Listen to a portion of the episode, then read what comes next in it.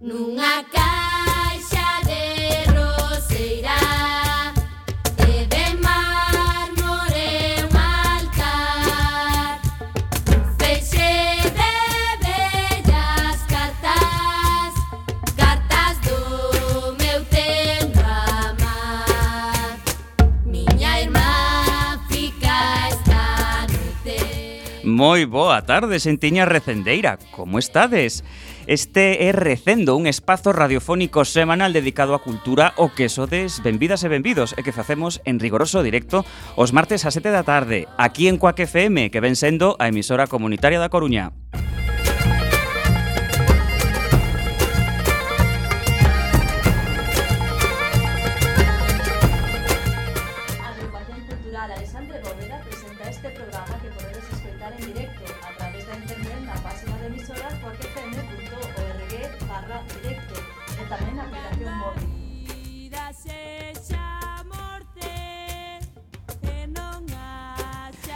Ben, seguimos. Se non chegaches a tempo, pois camarada, non tes excusa.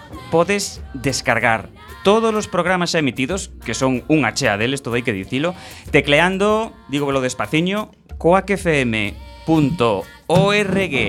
barra radioco barra programes con doble M barra recendo ou ben podedes escoitalo tamén na redifusión que será os mércores ás 8 da mañá os venres ás 4 da tarde e na madrugada do domingo o luns ás 12 da noite. Marta, que te acabas de colocar noutro sitio... sí, porque non se me estaba escoitando nada, pero bueno, seguimos, seguimos aquí. E a partir de agora seguídenos nas redes sociais, tanto no Facebook como no Twitter, arroba Recendo FM, onde queremos formar unha comunidade recendeira. Tamén podedes visitar o Facebook da agrupación en a.c.alexandre.bóveda ou no Twitter en arroba acebóveda ou na web www.acalexandrebóveda.gal. Sempre estar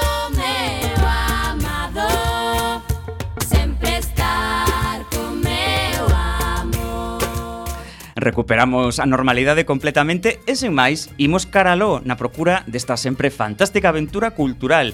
Contamos co gran Roberto Catoira no control técnico e falándolles coa alma inteira temos a Marta López na locución. E a Manu Castiñeira.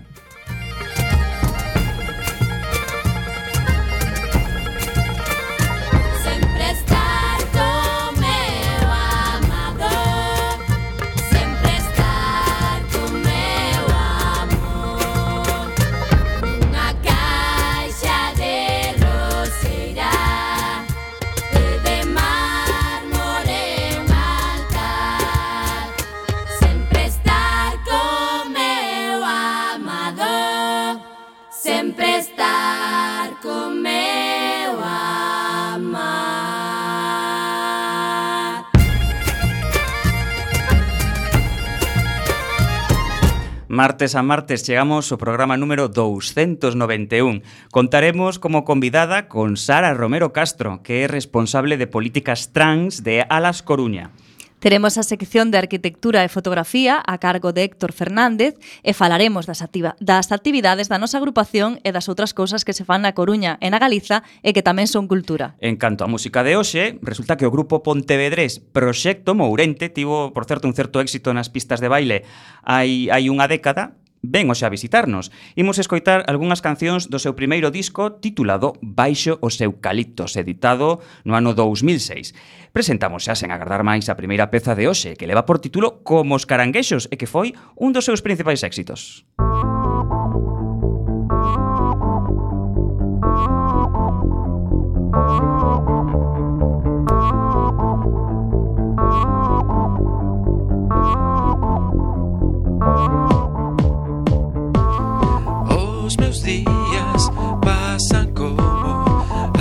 paisaxe deste o tren.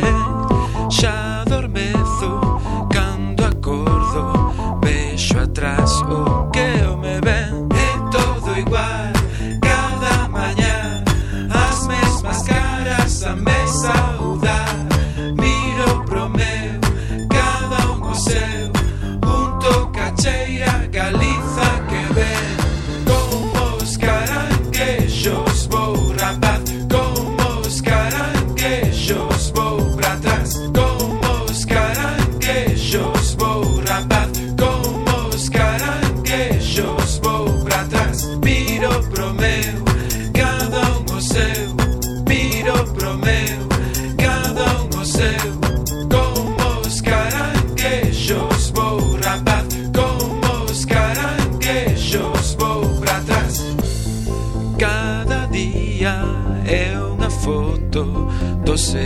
gente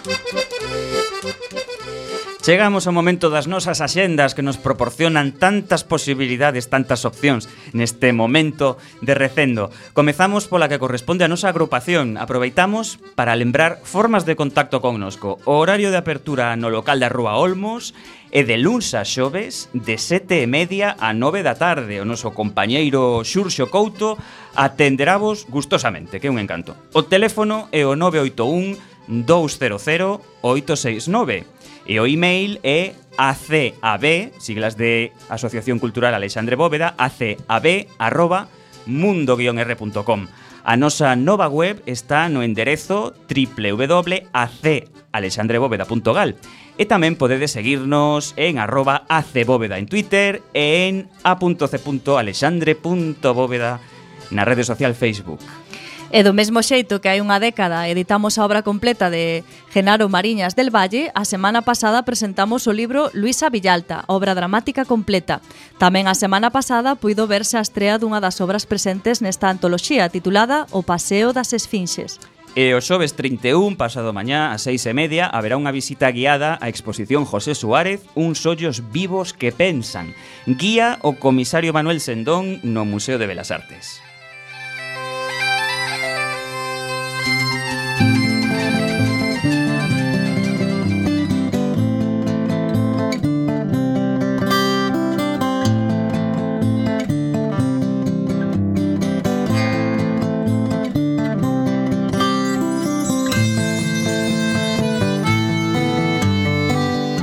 Imos agora dar paso á senda da Coruña. Empezamos co audiovisual.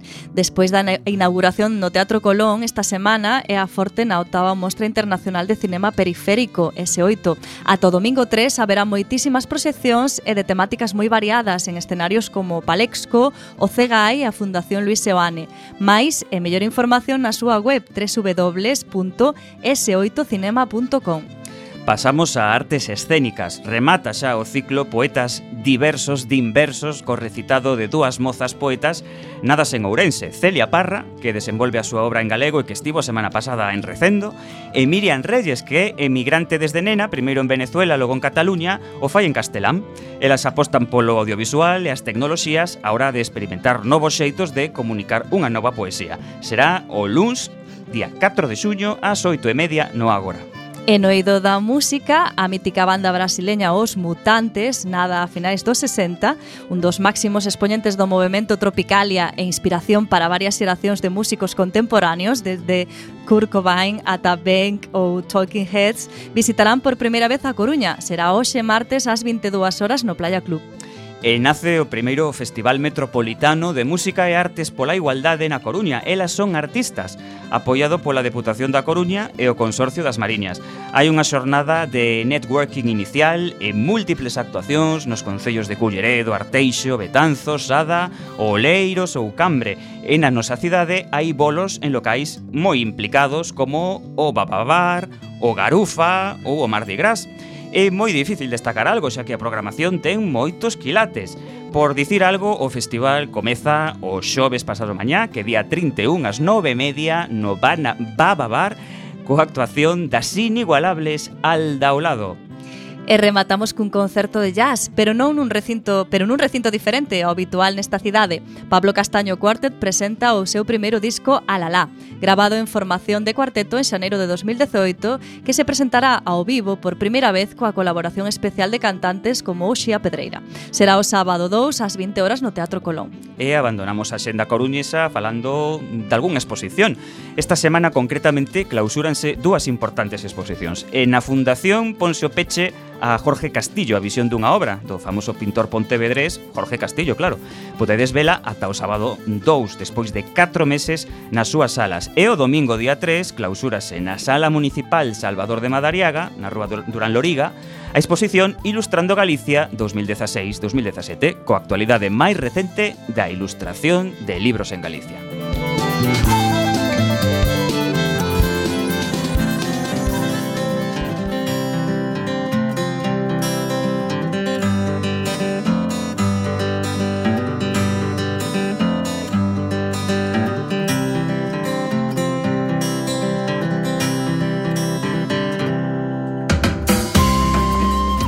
Quenda da Xenda de Galiza empezamos como sempre por Lugo. Vicente Cueva é un dos violinistas españois máis destacados da súa xeración e gañou o público co seu son cálido, a súa honestidade no achegamento ao repertorio clásico e a súa frescura e dinamismo abordando a música actual. Actúa no marco do Festival de Música Cidade de Lugo o xoves ás 20:30 no Bello Cárcere. E de Lugo pasamos a Ourense. Magín Blanco con María Faltri presenta o seu espectáculo Letras e Notas, que ven cargado de música e de contos. O creador de A Nena e o Grilo ou de outras composicións que forman parte de edicións como María Fumasa ou Rosalía Pequeniña, traenos nesta ocasión un contacontos musicado, onde o protagonista axudará os nenos e nenas a estimular a súa creatividade e curiosidade polas letras e palabras, en definitiva, pola lingua. Dura 45 minutos e pode pode verse no Auditorio Municipal en Camino Canal 2 o Benres día 1 ás 6 da tarde. E pegamos o noso clásico chimpo a Pontevedra. Continúa o mes da lingua a beira do Lerés. E hoxe, conferencia de Monse Pena, autora do libro A voz insurrecta, María Victoria Moreno, entre a literatura e a vida. Ás 20 horas no local social do Gorgullón. Mañá mércores, recepción do alcalde ás asociacións no Pazo de Mugartegui e o xoves ás 21.30 exhibición de tres curtas. Subimos ata Santiago, temos a presentación do primeiro disco de Tan Xugueiras. Atopámonos ante un repertorio de 12 temas coidadosamente escollidos e cun tratamento que conecta a tradición ibérica co maxín atlántico e os cheiros de ultramar. Dun xeito doado, natural, cun empaste nas voces pouco común, cuns arranxos elegantes e coidados e cunha tímbrica instrumental que conecta Oriente e Occidente. O domingo 3 de xuño, como pasan as semanas, compañeira, ás 8 van estar na Sala Capitol.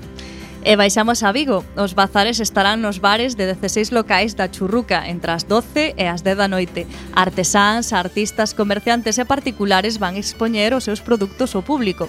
Inclúe talleres para rapazada e para adultos, así como intervencións artísticas a pé de rúa este próximo sábado 2 de xuño. E volvemos subir e chegamos ata Ferrol dúas bailarinas e dous cables de funambulismo dirixidas por un payaso. Up to Down é un espectáculo de danza circo contemporáneo no que o humor e a danza interactúan cunha disciplina circense nova en Galicia, o funambulismo, creando un universo bastante singular.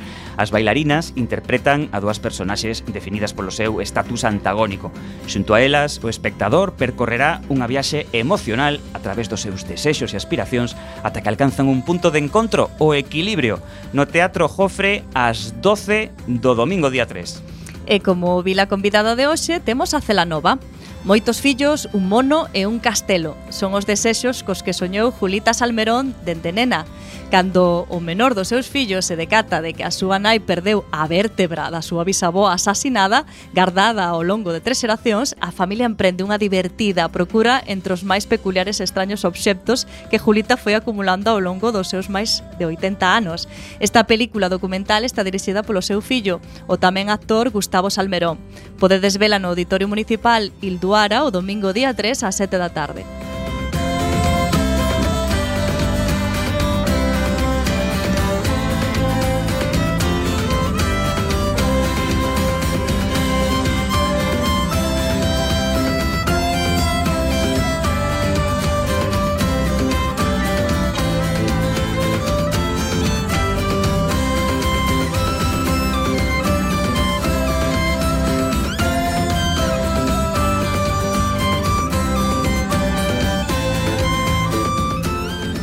escoitades Recendo desde Coac FM.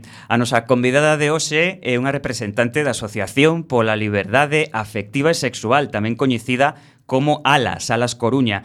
A asociación, se non estamos trabocados, formouse no ano 2010 co principal obxectivo de loitar pola liberdade afectiva e sexual das persoas que forman parte do colectivo LGBT, bueno, LGBTI, xa falaremos disto, así como para combater a discriminación e a marxinación que moitas persoas deste colectivo seguen a sufrir hoxe en día. Pero alas non só se adica a reivindicación e a concienciación da sociedade sobre a problemática das persoas LGTBI, senón que tamén ofrece asistencia, información aos membros, familiares e achegados no referente á súa integración, situación social, problemática xurídica e laboral, como case sempre é obrigado que haxa oco para olecer e alas non ia ser menos. Organizan charlas, tertulias, obradoiros, ciclos de teatro e cine e o xa popular picnic na cidade coñecido como Mari Picnic.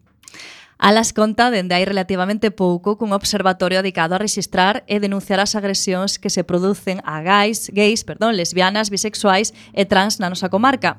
Tamén se encarga de dar asistencia primaria ás vítimas. Isto é moi importante. E máis na Coruña, unha das provincias con maior número de denuncias por crimes de odio contra este colectivo. Outra novidade recente foi o fallo do 15º Premio Marcela e Elisa. Este premio foi establecido pola desaparecido, polo desaparecido colectivo Milomes e retomado por Alas. Este ano foi premiada a compañía de teatro A Panadería pola súa obra Marcela e Elisa, unha dramatización da vida de dúas veciñas da cidade que consiguen casar entre elas, enganando ao cura de San Xurxo. Este foi o primeiro matrimonio homosexual registrado da historia do Estado. Pero para, para falarnos máis de que fai Alas, temos hoxe conosco a súa voceira de política trans, Sara Romero. Boas tardes, Sara. Boas tardes. Que tal?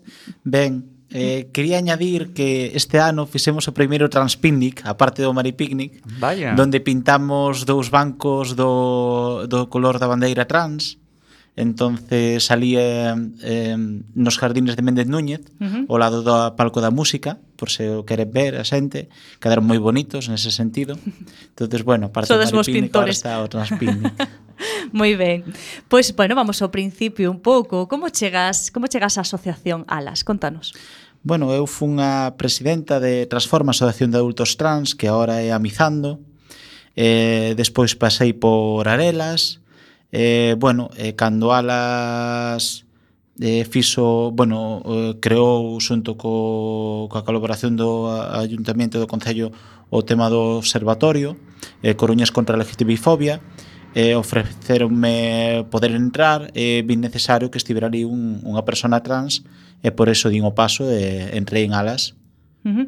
E antes comentábamos, bueno, comentache fora de micro, che preguntamos, non? Porque na información que nos tiñamos sempre liamos LGTB, LGTB, que me que trabuco, pero sin aí. Entonces nos dixeche, bueno, nos explicas agora outra vez. Sí, que... a ver, é que cambiamos estatutos fai pouco neste sentido, eh, pusemos a actualizamos como ten que ser a LGTBI eh, a LGTBI. Despois tamén está que susto tamén coincidiu que a FEL tuvo a reunión que ten cada tres anos para decidir as políticas futuras e tamén a FEL que era solo LGTB ahora vai ser LGTBI. Uh -huh. Sabes, nese sentido, o que pasa é que como todos os cambios pois tardan un poquinho en facerse oficiais Pero bueno, que LGTBI nese sentido. Que aí... Xa estamos actualizados os tempos como teñen que ser. Moi ben, bueno, para a xente que o mellor non saiba tamén a que a esas siglas a que pertencen. Pois pues a lesbianas, gays, eh, bisexuales, trans e intersexuales. Uh -huh. Moi ben, bueno, para que quede claro, non todo o mundo ten que sabelo. O mellor eh, non estaría de máis eh, es... informar un pouco a xente que non ten moi claro o que é isto da intersexualidade. Tamén, tamén, sí.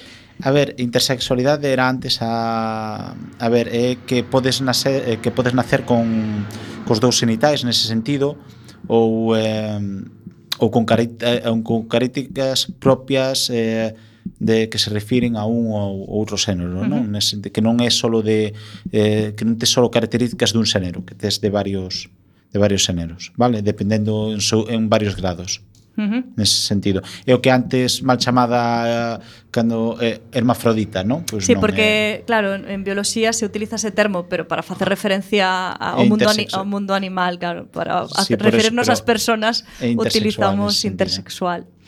Moi ben. E canta xente forma parte de, de Alas?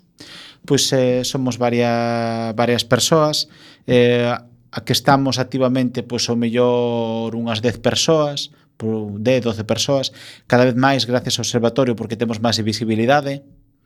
Eh, bueno, eh, e chamamos a xente que queira participar, eh, que queira apoiar, pois que veña a Asociación Alas, que facemos reunións eh, case todos os venres, a, no Alfayate, eh, e pode vir e informarse un pouco. Se queren contactar, por exemplo, con vos, E pois temos en todas as redes sociais Alas a Coruna e senón o, a páxina tamén de, do observatorio por se queren ver o noso traballo eh, corunasenodio.org eh, e ali poden ver eh, bueno, poden denunciar os casos de os casos de discriminación e demais que sufran nese sentido. Uh -huh. Moi ben, e todos os socios pertencen ao colectivo LGTB? Sí. sí. sí, todos. Sí, todos os socios sí. Moi ben. Eh, eh, citamos hai un momento algunhas cousas que facedes, pero desde o teu punto de vista, cal sería a principal actividade eh, a que se dedica Alas? Pois ou a que máis destaca dar visibilidade e eh, dar formación eh, do de todo relacionado co, co colectivo LGTBI sobre todo dar visibilidade, non? Eh, e poder, eh, pois parte das charlas, non? Pero sí traballar para que non haxa tanta LGTBI-fobia, sobre todo agora o conservatorio, non eh, para apoiar e acompañar agora porque, por exemplo, hai moitos problemas cando van a denunciar para que a policía rellene como ten que rellenar co tema de que se, que é un delito de odio porque moitas veces se negan a sabes, porque non saben como, como collelo eh, ben e se non vai ben redactada e se non o poñen como delito de odio despois non se pode xulgar como delito de odio. Entón é moi importante que se fagan todos os pasos e aparte sobre todo que moita xente que ten medo a denunciar non? Polo que dirán eh, porque non é o mellor viven nun, nun pueblo cercano neste sentido, non viven na Coruña ciudad ou susto teñen aldea e susto a, a acción foi na aldea sabes o que lles pasou? Entonces facemos ese acompañamento non para que non se sintan nin soas nin sós nese sentido eh, poder axudalos e axudalas. Mm. Ben, a visibilidade importante. Temos eh, cinco letras, LGTBI Eh, entón, desde o teu punto de vista, eh, cales son as, as persoas que se enfrentan a unha problemática máis máis dura, máis máis seria? As persoas trans nese sentido. Sí, sí porque teñen moitos dereitos aínda que non non recoñecidos polos que teñen que loitar.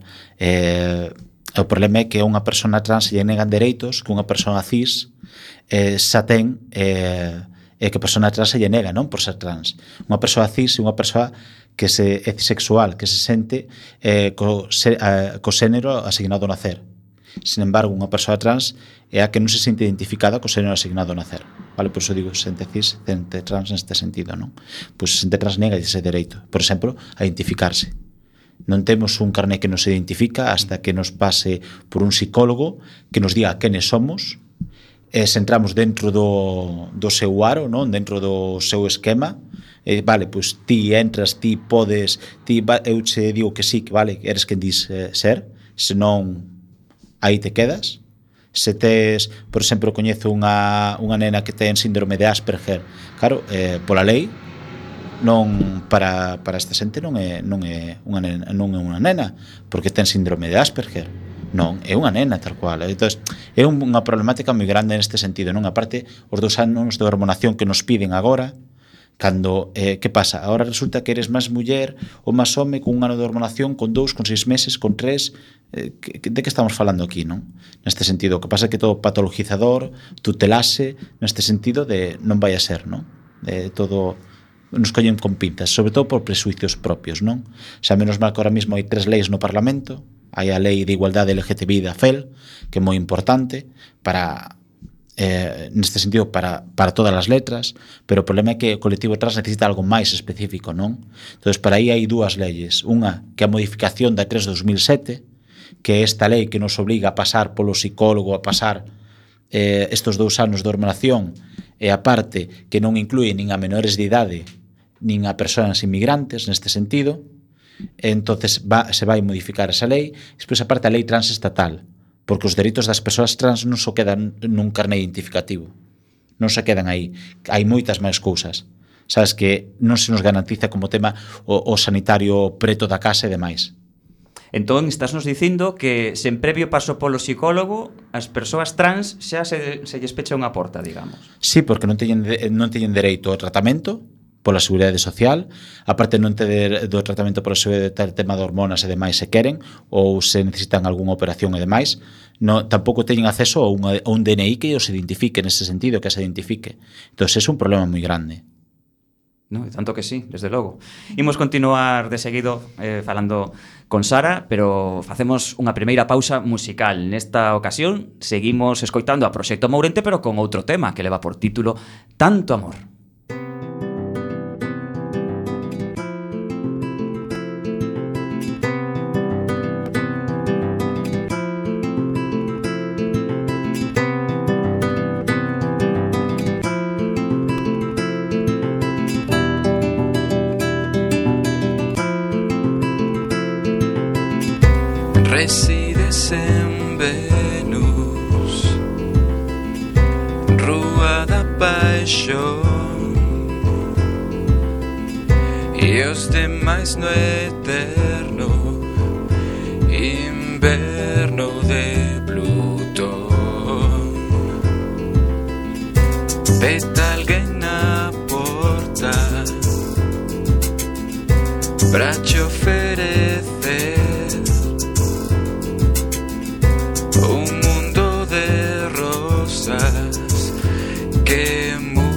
chancando aspes. Yeah.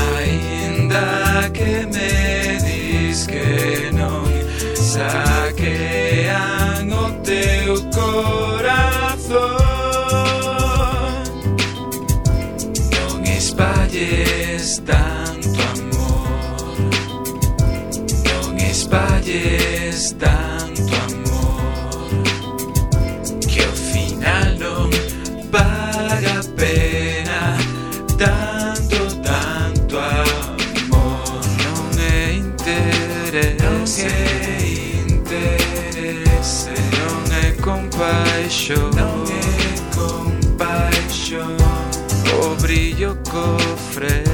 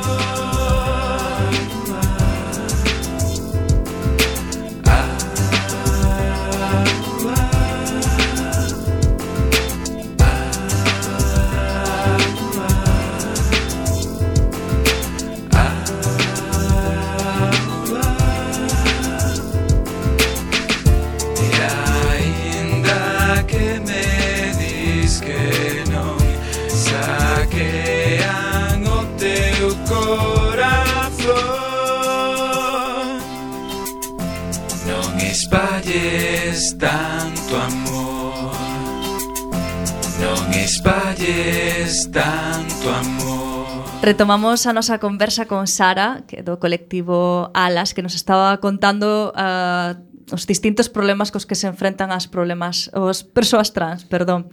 En Nos contabas un pouco fora de antena cuáles son os pasos que ten que seguir unha, unha persona cando decide non cando non está conforme co, co, co xénero... Non, cando decide dar o paso de, uh, cando decide dar o paso de cambiar o tema de, de tema da documentación, de adecuar todo nese sentido, porque temos que ter en conta que a educación que hai agora non é a mesma de antes.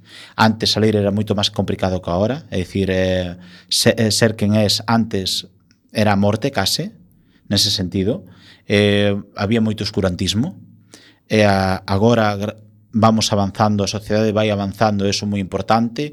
Os pais teñen moita información gracias a internet e demais. Hai asociaciones como Arelas que sempre eh, como asociación de menores eh, que Arelas que que axuda nese sentido eh, as familias eh, apoian máis o seu, a seus fillos e súas fillas e seus fillas nese sentido. entonces aí axudan a, a salir, non? Pero antes eso era moi complicado. Antes de decirlle a un pai ou unha nai que, que tiras unha nena ou que tiras un neno, no, no caso, era un problema, porque para a sociedade en aquel momento era a vergoña, era o que dirán, era nese sentido. entonces hai moita xente que sale pois máis tarde, que ainda pode haber casos que salgan máis tarde, pero cada vez menos, cada vez están saindo máis máis, máis menores trans eh, eso é agradecer que non teñan que pasar toda a vida escondéndose e vivindo unha mentira para, para poder ser felices, non? Mm. Nese pero sentido. si ti queres ca, eh, si ti queres das o paso, o sea, me, nos decías para que os menores, por exemplo, non podían hasta non, ter a maioría eh, de edad. Exactamente. Eh, a lei a, a lei do, do 15 de marzo do 2007 eh, que se refire ao cambio de, de sexo eh, da lei registral o que o que che di é eh, que só as persoas adultas poden cambiar de xénero.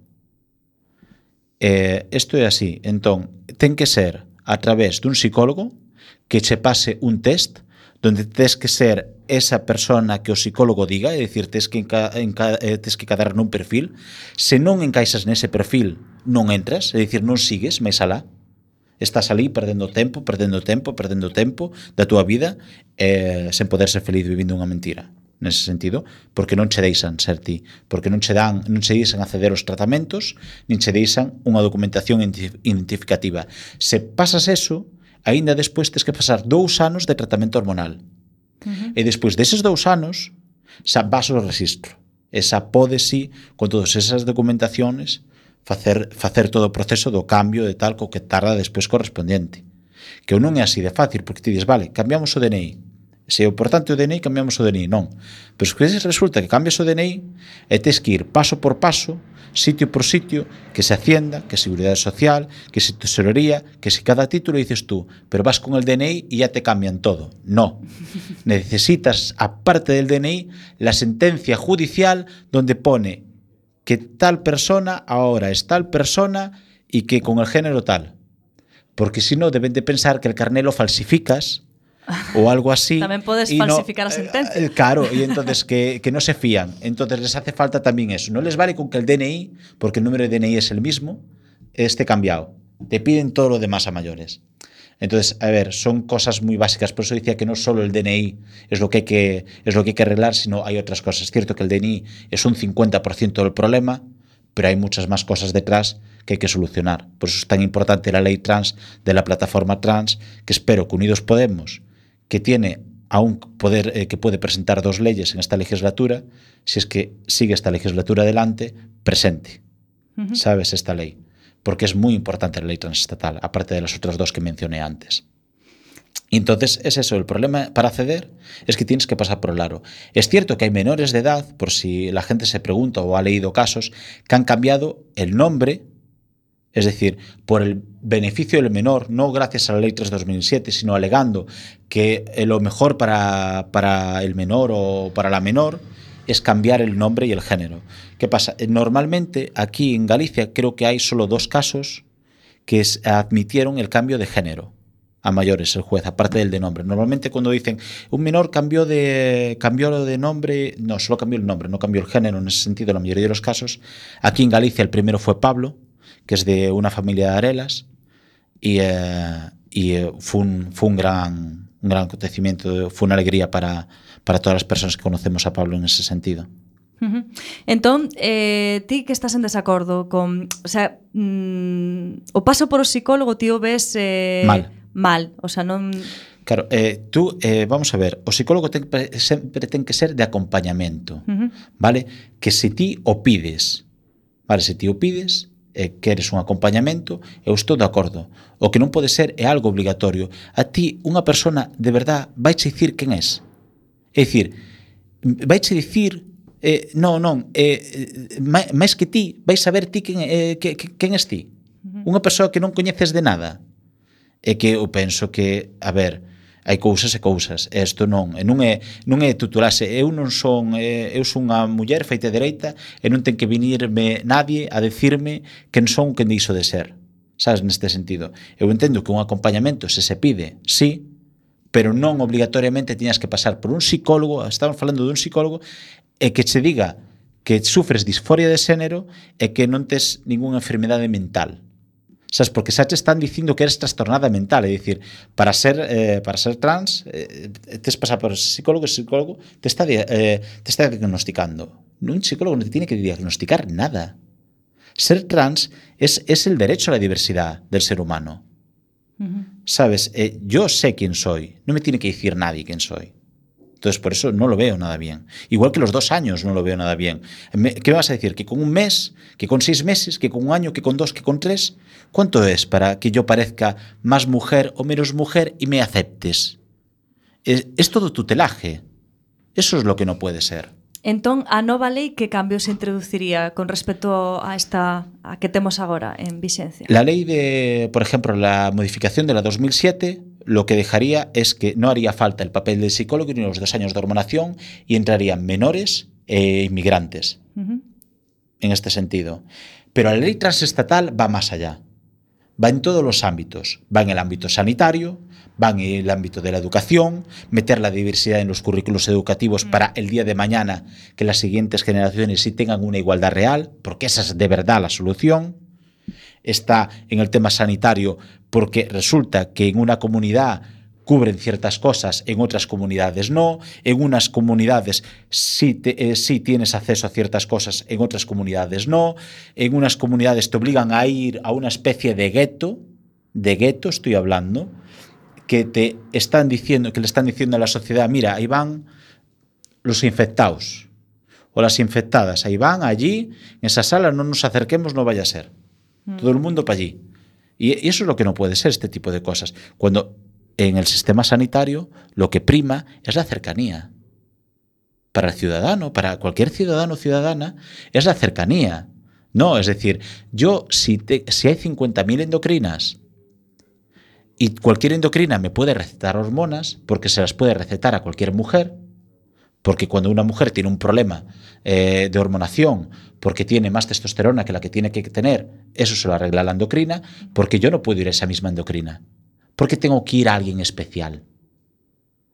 ¿Sabes? Porque yo tengo que ir aparte de las demás.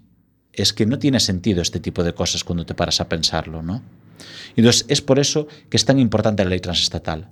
Porque la otra, la modificación de la 2007, sí que es cierto que eh, ahorra un problema, es decir, nos quita un 50% de problemas con esta documentación, acceder a esta documentación, de no tener que dar explicaciones. Porque ahora mismo las personas que no tienen el DNI tienen que ir a un sitio a pagar con la tarjeta y tienen que decirle a la persona, no, mira, es que tal, explicarle su vida, que la persona diga, vale, te creo.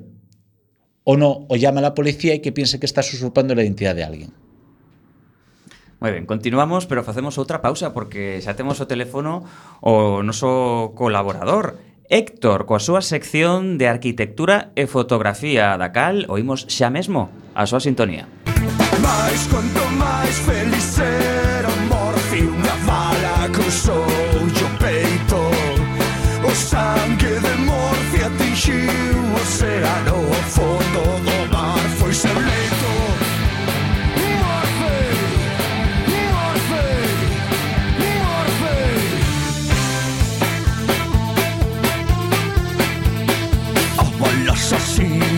Fuera disparada polo ricorsario naquela batalla Héctor Fernández, boa tarde Hola, boas tardes, que tal? Que, nos contas hoxe, Héctor?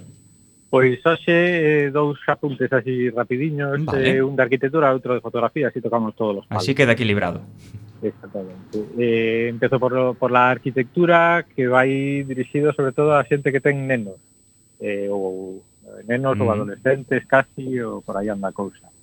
E contarvos que eh, está tendo lugar eh, unha exposición en Pontevedra, no Pazo da Cultura de Pontevedra, eh, de xogos eh, que ten como a base a arquitectura, xogos para nenos, eh, de construir ou de relacionados coa visión que temos das cidades, ese tipo de historias, non? Porque o motivo é que houbo eh, a principios de mes eh, unha bienal de arquitectura eh, eh, para nenos infantil, eh, bueno, entón é eh, o primeiro eh, organizase eh, desde con moitos profesores da escola de aquí, de Coruña, sí. a Rosales, e outra xente que sempre que leva moitísimos anos metido nese tipo de de eido de, de arquitectura volcada cara a nenos, eh, de como de ensinar nas escolas arquitectura porque é algo que, bueno, nos planes lectivos nunca está, ¿no? nunca hai arquitectura culta nos planes lectivos, a arquitectura contemporánea.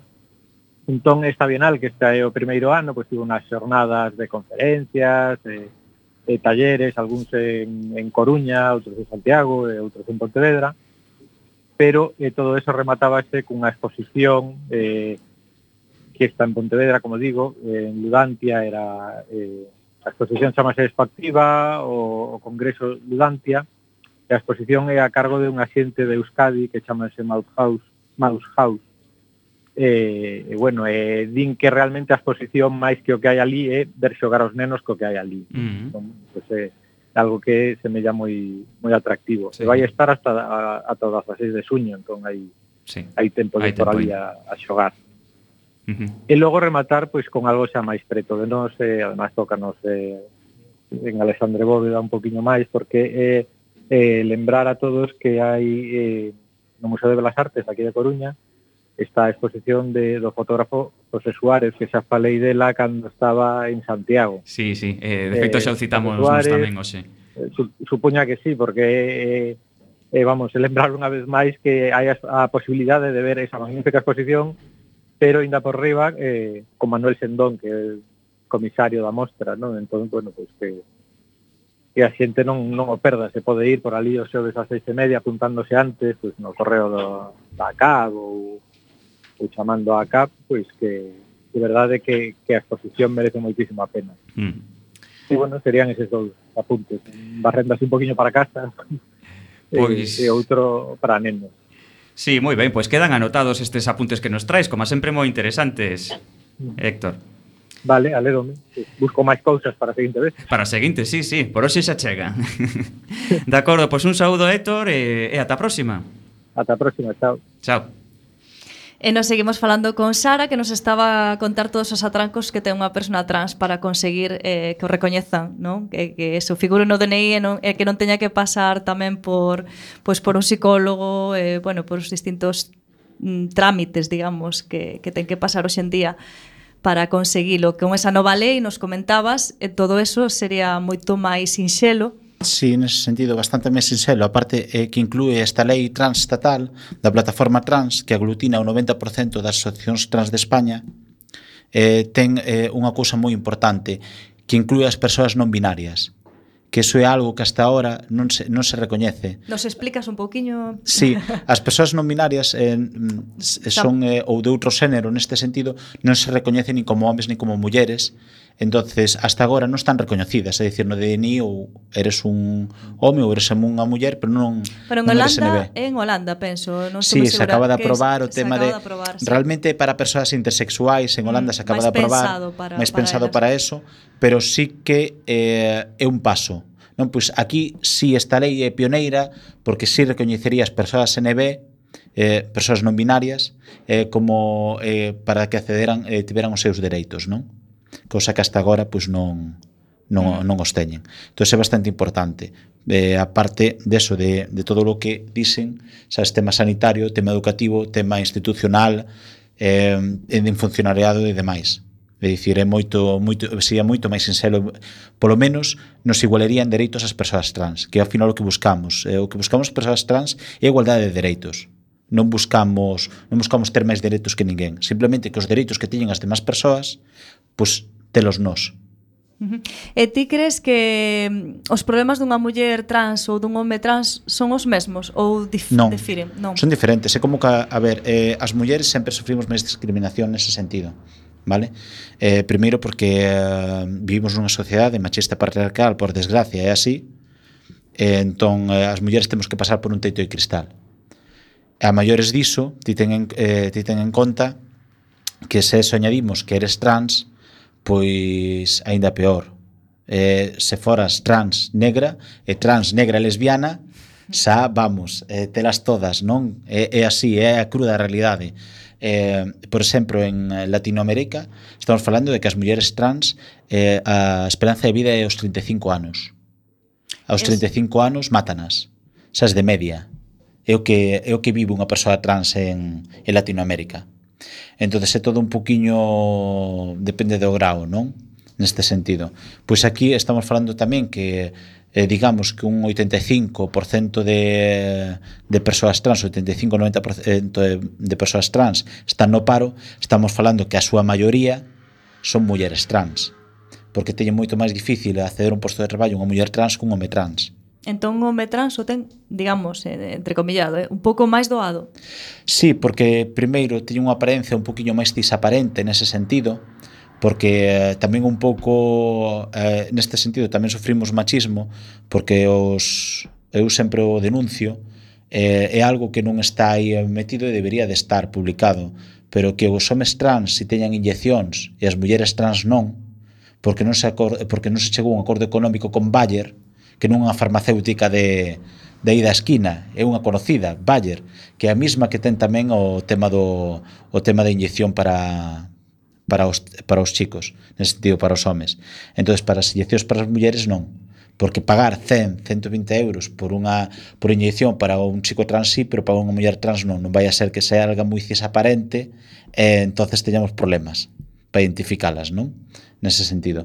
E pasa eso, e despois pasa como pasaba a min, que eu tiña que tomar eh, nove pastillas diarias para, eh, para poder ter uns niveis baixos de estróxeno eh, e que gracias a hora que encontrei o tratamento que de spray pois que a mitade de dose eh, sendo spray que non me pasa nin polo estómago nin polo fígado nese sentido pois eh, xa teño niveles que teño que ter de estróxeno. Xa se eu estaba pasando moi mal e algo que tiña que tomar sempre nese sentido o tema da hormonación E para min é moi... Eh, eh, imagínate estar con 40 anos ou con 50 anos tomando nove pastillas diarias. Mm. Estamos falando que como que acaba o estómago e o fígado ali nese momento. Me entendes? entonces é a riesgo da nosa saúde, pero non somos unha prioridade. Porque eso é, é por, de por vida, digamos, non? Ti o tratamento tes que seguir sempre. Eh, non para todas as persoas trans. Eh, por exemplo, para min sí, porque... Eh, eu estou operada nese sentido, entonces para min se as persoas trans operadas si que, si que de por vida, por resto non é máis unha decisión. O problema é que o, ao non hormonarte normalmente hai cambios que, que volven atrás, vale? Por dicirlo de alguna maneira. Entón é unha cuestión de decisión persoal, xa de disalo ou volver nese sentido o tema da hormonación. Claro, que dixeches antes incluso que se si non queres hormonarte, pois pues, te, deberías de ter o dereito de non de ter, ter o que dereito facelo. non facelo, por suposto é que tes que ter o dereito. Non che, é que, o que non pode ser é que che digan, mira, se ti queres uns dereitos que ten todo o mundo porque sí, porque porque eh, porque eles son cis, entonces teñen dereitos, pero ti como eres trans non, para ter algún deses dereitos tes que ser así, facer isto, facer isto, isto, senón non chos damos. Sigues sen eles. Eso eso en que somos ciudadanas de segunda, de terceira, de de que somos? non somos persoas. E que aquí parece que as vidas nosas non valen nada. Porque é así, é a cruda realidade, porque ti vas falar co Sergas ou vas falar ca Xunta e de cara a galería moi ben. Pero a hora da verdade pasa como cando foi a lei trans ali eh, no Parlamento, con toda a posición votando a favor e o PP votando en contra. E, quito, e tirou a lei. E tirou a lei para atrás. E lle deu igual as persoas, porque para eles eu cando vou ali e lles digo que estamos falando da vida de persoas, a mí me chaman demagóxica. A mí me chaman demagóxica. E este ano tivemos que sufrir dúas mortes. Dúas mortes de menores. E dun neno e dunha nena. Que manda narices. E que me digan a min alguén que ese neno ou esa nena e non, non tiñan que estar vivas. Que me, que me diga alguén a min que non tiñan que estar vivas. Que, que, que por, por qué? Porque, porque querían ser eh, eh, eles mismas, sabes, nese sentido. Porque, porque Talía quería ser ela, eh, sabes, eh, ser feliz, eh, es, eh, simplemente vivir a súa vida, sen preocuparse, sabes, eh, xa bastante ten problemas un adolescente nese sentido que eh, de estudiar, de sacar unha carreira que non, ten que preocuparse de sobrevivir. Eso, eso, eso, eso, eso nesta sociedade ten que facerse mirar. Que a veces parece que vale máis un presuizo dunha persoa, un presuizo, nese sentido que a vida dunha persoa. Prefire ver esa persoa morta que que lle dean os dereitos que ten esa, esa misma. Como que non valemos nada. É iso que hai que cambiar. É que ti o que tes que ver é, eu entendo que ti, por a educación que tes, por os persuitos que teñas, ti non comprendas ou non o vesas da, da mesma forma. Eu podo chegar e, e coller e dicir, é, es unha parede e non hai maneira contigo, vale, pero entende que se non estás matando esa persoa, pois simplemente porque viva, deixa que viva feliz. Dixo o teu prexuicio, cómeto pa ti, e xa está. E, me entendes? E deixa vivir. E que é isto que ten que comprender a sociedade? Que parece que vivimos máis pendente dos demais que das nosas vidas. É iso que hai que cambiar. Ainda queda camiño por percorrer. Eh, podíamos apuntar, por outra banda, os, os, ris os riscos de autormonarse. Si, é que ese é o problema moito sentido, por exemplo, para acceder ás inyeccións aquí en España, porque non é só que non é, que non están en tratamento na Seguridade Social, é que están prohibidas. Eu non podo ir á farmacia e comprar as hormonas para inyectarmas. Non é que estean dentro da Seguridade Social, non están nin dentro nin fora. Eu para compralas teño que ir a un médico que me dé unha receita, pedila fola a Europa, que me manden, e despois autormonarme sen saber os resultados das miñas analíticas porque como está prohibido nese sentido, non sei se me está facendo ben, se me está facendo mal, pode matarme, pero aquí en España hai que prohibilas. Pois eso pasa se eu non acedo pola Seguridade Social eh, se eu non acedo pola Seguridade Social, é dicir, se eu non paso polo psicólogo, eu non paso despois do psicólogo que me dá o visto bo pa endocrina, entonces o visto bo da endocrina, cando tengo do psicólogo, empeza, eh, fai un análisis o tema de hormonarme, e despois me fai un seguimento para mirar co que me está dando, me fai uns niveles que teñen que ter. Teño os niveles que teño que ter. Pois, se non fago eso, o que me están, eh, o que me están facendo é, eu me autormonono, eh, me autormono, e, e collo despois, eh, se me dá un jamacuco con perdón, me quedo aí. Porque nadie me dá un análisis de decir, pois pues estás, tes que tomar máis, tes que tomar menos. Porque o mellor ou non estou facendo nada, ou me estou facendo un destrozo no corpo, neste sentido. entonces é o que hai que ter en conta é que ao final o Estado é que por tanto tutelase, por tanto eh, eh neste sentido, por tanto persuizo no, non nos deixan vivir non nos deixan vivir a moitas persoas trans, eso que hai que cambiar mm. O, o que teñen que facer é eu, eu sou maiorciña e eu se quero dar un paso, eu dou o paso, cos riscos que eso conleva nese sentido. Pero ti quen eres para dicirme tes que entrar aí, nese seriño polo aro, se queres isto, isto, isto, isto, isto. E se non, non rechistes. Porque, a ver, a xente o mellor sorprenderase, pero as, eh, as persoas trans, non temos por que ser heterosexuais. Unha muller trans pode ser lesbiana, bisexual, non ten por que ser heterosexual.